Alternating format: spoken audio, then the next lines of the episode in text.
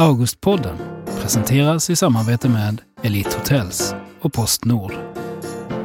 Minuterna efter att årets Augustprisnominerade böcker tillkännagivits intervjuade Daniel Sjölin tre av de nominerade författarna, Jens Liljestrand, Björn Runeborg och Magnus Westerbro, om Vilhelm Mobergs författarskap, svältår och skrivmaskiner tunga som tröskverk.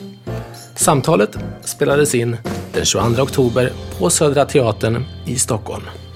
Eh, välkommen Jens Liljestrand, säger jag först. Eh, eh, författare till vardags biträdande kulturchef på Expressen. Eh, nu nominerad för det som har kallats för praktverk. Det är ja. ganska trevligt att bli kallad. Ja, gud, ja. ja, ja. Storverk. Storverk, ja. det är liksom, ja, det är giganternas gigant helt enkelt som är i farten. Eh, den här biografin om eh, Vilhelm Moberg, Mannen i skogen. Jag tänker först, det finns en uppsjö möjliga titlar kan jag tänka mig om man har arbetat med en sån här bok i många år. Du väljer Mannen i skogen. Ja. Varför? Vad är det för man i skogen? Mm, för jag har snott den titeln. Det var så att eh, 1940 så höll världen på att gå under, ungefär som just nu. Eh, och västvärlden var starkt hotad av totalitära krafter i Sovjetunionen och nazisterna i Tyskland. Och då satte sig Vilhelm Moberg ner och skrev en bok om motstånd. En bok om eh, en, en historisk allegori över Sverige på 1600-talet, som förstås handlar om Sverige under hans tid, alltså Sverige under, under hotet från nazismen. När, eh, här på 1600-talet så är det den lilla byn Brändebol som är hotad av de tyska fogdarna som vill ta över och som vill tvinga bönderna i Brändebol till att göra dagsverken på, på fogdens gård. Och eh, då är det en individ Ragnar Svedje som bestämmer sig för att göra motstånd, han bestämmer sig för att göra uppror. Han vill inte acceptera det här förtrycket och han, eh, när de andra byborna sviker honom ehm, så springer han rakt ut i skogen och blir en fredlös eh, individualist. Det här är en politisk roman eh, men också en historisk roman. Det var så Vilhelm Moberg arbetade, historia och politik. Och den här romanen, den tänkta, den känner vi idag som Rid i natt. Men den tänkta titeln på den här romanen, vet du vad det var? Mannen i skogen. Och jag tycker att det är en ganska bra titel, mm. så att, eh, jag snodde den. Ja, den, den, precis, den som aldrig blev den titeln då. Ja. Ja. Ehm, eh, jag, jag, tänker, du, du, det här kanske är en konstig fråga, men han, han är ju generationskamrat med många av de här arbetarförfattarna mm. som ju ändå skrivits ganska mycket om ändå biografimässigt sett, en del av ja, dem. Nej, men, ja. vi, vi har inte, det är några, han tillhör i alla fall de som inte skrivits om. Vi väntar fortfarande på en riktigt bra Harry Martinsson-biografi tycker jag. Mm. Vilket sägs vara på gång. Vad är det du som håller på med det? Nej, inte. Gud, nej, gud, nej, absolut inte. Nej, vi tar en sak i taget. Ja, ja. Eh, men jag tänker, när man researchar under många år och lite grann då lever med honom, han, jag antar att han har varit i någon låda hos dig hemma där? Liksom. En kista. kista. Okay. Mobergs kista. Ja, en, en, en, ett chatull. Ja, nej. nej. men, eh, eh, fanns det något skede i researchen där du verkligen blev genuint besviken på karn? Att liksom, ja men snälla, jag hade ändå trott lite högre om dig, Vilhelm Moberg. Och ja, tvärtom kanske? Trott, eh, ja, nej, men jag tar det först. Då. Det, nej, men det är ju en, en personlig grej faktiskt. Det är ju när han skriver brev. Han skriver brev till sin dotters chef. Hans dotter eh, hade sommarvikariat på en tidning. Det har man själv haft någon gång som journalist. Och så, här, så man vet ju hur, hur, hur, hur spänd sånt kan vara när man är sommarvikarie. Och då skriver han brev till chefredaktören på den här tidningen och säger att um, Ja, jag ser att min dotter inte har, hon verkar inte ha gjort bort sig i alla fall i sommar. Och jag har läst några artiklar som hon säger sig ha skrivit. Ehm, jag vet inte i vilken mån de har undergått eh, tvättning. Jag tror inte att hon har några speciella anlag för journalistbanan. Hon saknar självförtroende. Varför då? och, där blir man, där blir man någonstans, nej, men det här är inte, det här, det är, det är inte okej. Det här är, det här, du, du, är, du, är, du får vara en dålig författare, du får vara en dålig människa, du får vara en dålig make, men det här, du är en dålig pappa. Du är en riktigt jävla dålig pappa. Och det, det, det var verkligen, det satte sig hos mig personligt att nu, Ja, nej, men nu är jag lite, lite sur på det faktiskt. Jag förstår. Eh, men, men någonting lite kort positivt då? Som ändå... Nej, men det är att Vilhelm Moberg är eh, så oerhört eh, produktiv. Alltså det är arbete, den otroliga arbetsförmågan som man har när han skriver de här böckerna. Och skriver dem, alltså jag, jag satte mig en gång vid en skrivmaskin, han skriver på en sån här gammaldags Remington. Och jag bara i studiesyfte försökte sätta mig och skriva en sån. Det är ju en tung, det är en tung jävla maskin, det är ett tröskverk. Det är, skriver man på ordbehandlare idag, det räcker med att snudda vid en, då, vet du, man snuddar vid tangenten. Men det här är liksom uh, uh, uh och skriva liksom miljoner nedslag på de här maskinerna, bok efter bok, skriva om böckerna, redigera dem. Alltså arbetsförmågan här, produktiviteten, det, den beundrar jag verkligen. Eh, Björn Runeborg, jag måste först fråga, eh, eh, skrivmaskiner, men det, det skrev, du debuterade 1962. Var det skrivmaskiner som, känner du igen det här ja, tunga? Ja, ja. Jag, jag hade mycket med Vilhelm Moberg att göra på 70-talet. Va? Han var medlem i Författarförlaget där jag bland annat var styrelsens ordförande. Så jag har en buntar med brev, kampbrev verkligen. Varför som, som, som handlade om, om just författarförlaget, vårt förlag. Ja, Vi bildade ju ett på eh, 1969. Och där, eh, där blev han en, en ja. kämpande medlem. Ja, han brann för det, känner jag till. Han, och, och, och, han skriver om det som vårt förlag. Det var verkligen ja, viktigt för honom att det var visst, vårt förlag. Visst, ja, visst, Jättekul. Eh, det här kommer ju kunna bli väldigt intressant tror jag, hela kvällen. Men jag måste först välkomna dig, Magnus Westerbro. också. Ja. Eh, författare och journalist, skrivit flera rosade böcker om historia, bland annat ja. Pestens år som kom för två år sedan, tror jag. Eh, ja, stämmer. Nu nominerad för Svälten, om hungersnöden i Sverige på 1860-talet vilka scener kunde man mötas av om man skulle dimpa ner där idag, 1860-talet? I Norrland till exempel, eller Småland? Ja, men man skulle mötas av olika scener. Vissa skulle ju, man skulle se folk sitta och dricka punch, har det gått. Men runt hörnet skulle man se människor svälta eh, och vara helt utmattade, utmärglade, som inte orkar röra sig. Eller människor som ger sig ut och tigger i stora mängder och stör de som dricker punch. Eh, så det skulle man se. Man skulle se ett samhälle som är otroligt skiktat mellan en medelklass, en övre medelklass som har det ganska bra och en väldigt stor underklass som lider oerhörd nöd. Men vad var det som hände just de här åren? Jag var, jag, jag var på observatorie, observatoriet här för någon tid sedan i Stockholm där de har, en, där de har ju mätt vädret sedan urminnes tider och då har de ett bård högst upp med högsta och lägsta medeltemperaturen angivet sedan 1700 någonting.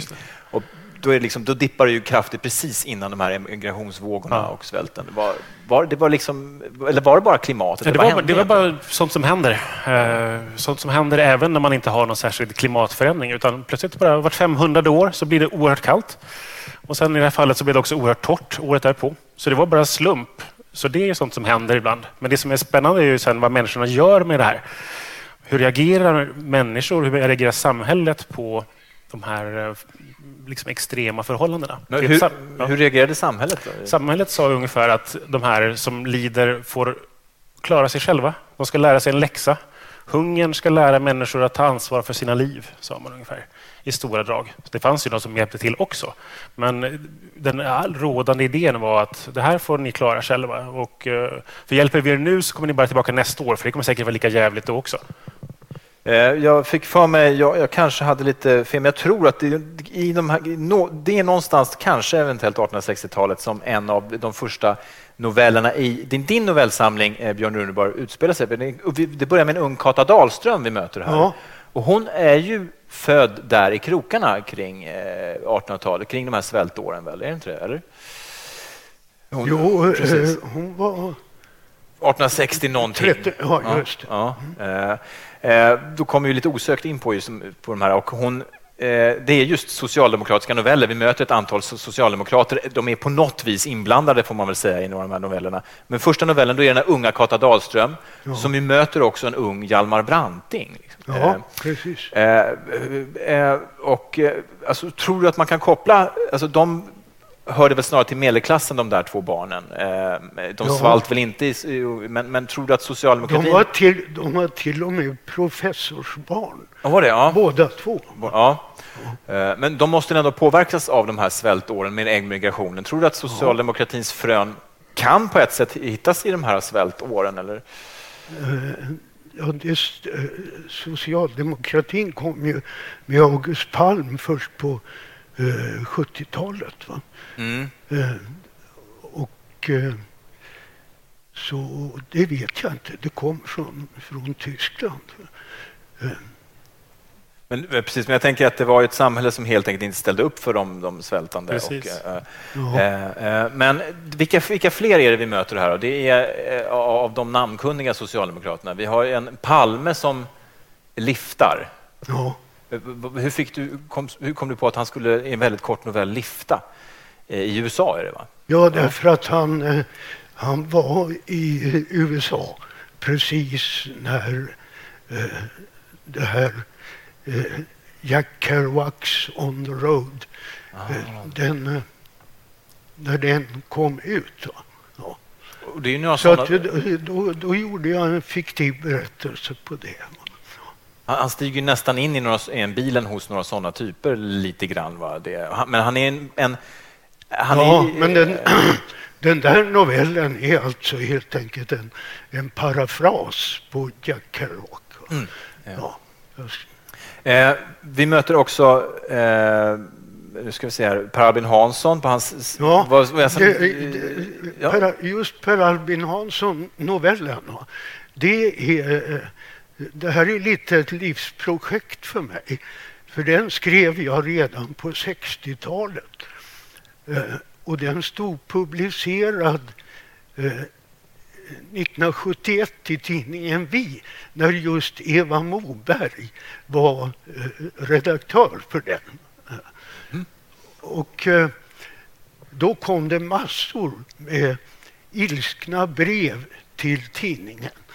Att dels över att det här, jag kunde, att det var fiktivt. Ja, du gav dig in i Det en fiktionens värld, ja. fiktiv berättelse.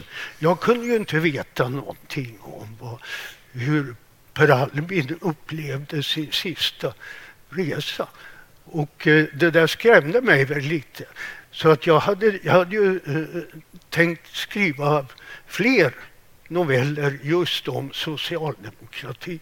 För att det är det, den eh, rörelse som har byggt Sverige. Men det blev inte förrän nu på 2000-talet. Så resten av de här novellerna är skrivna nyligen. Eh, Ja.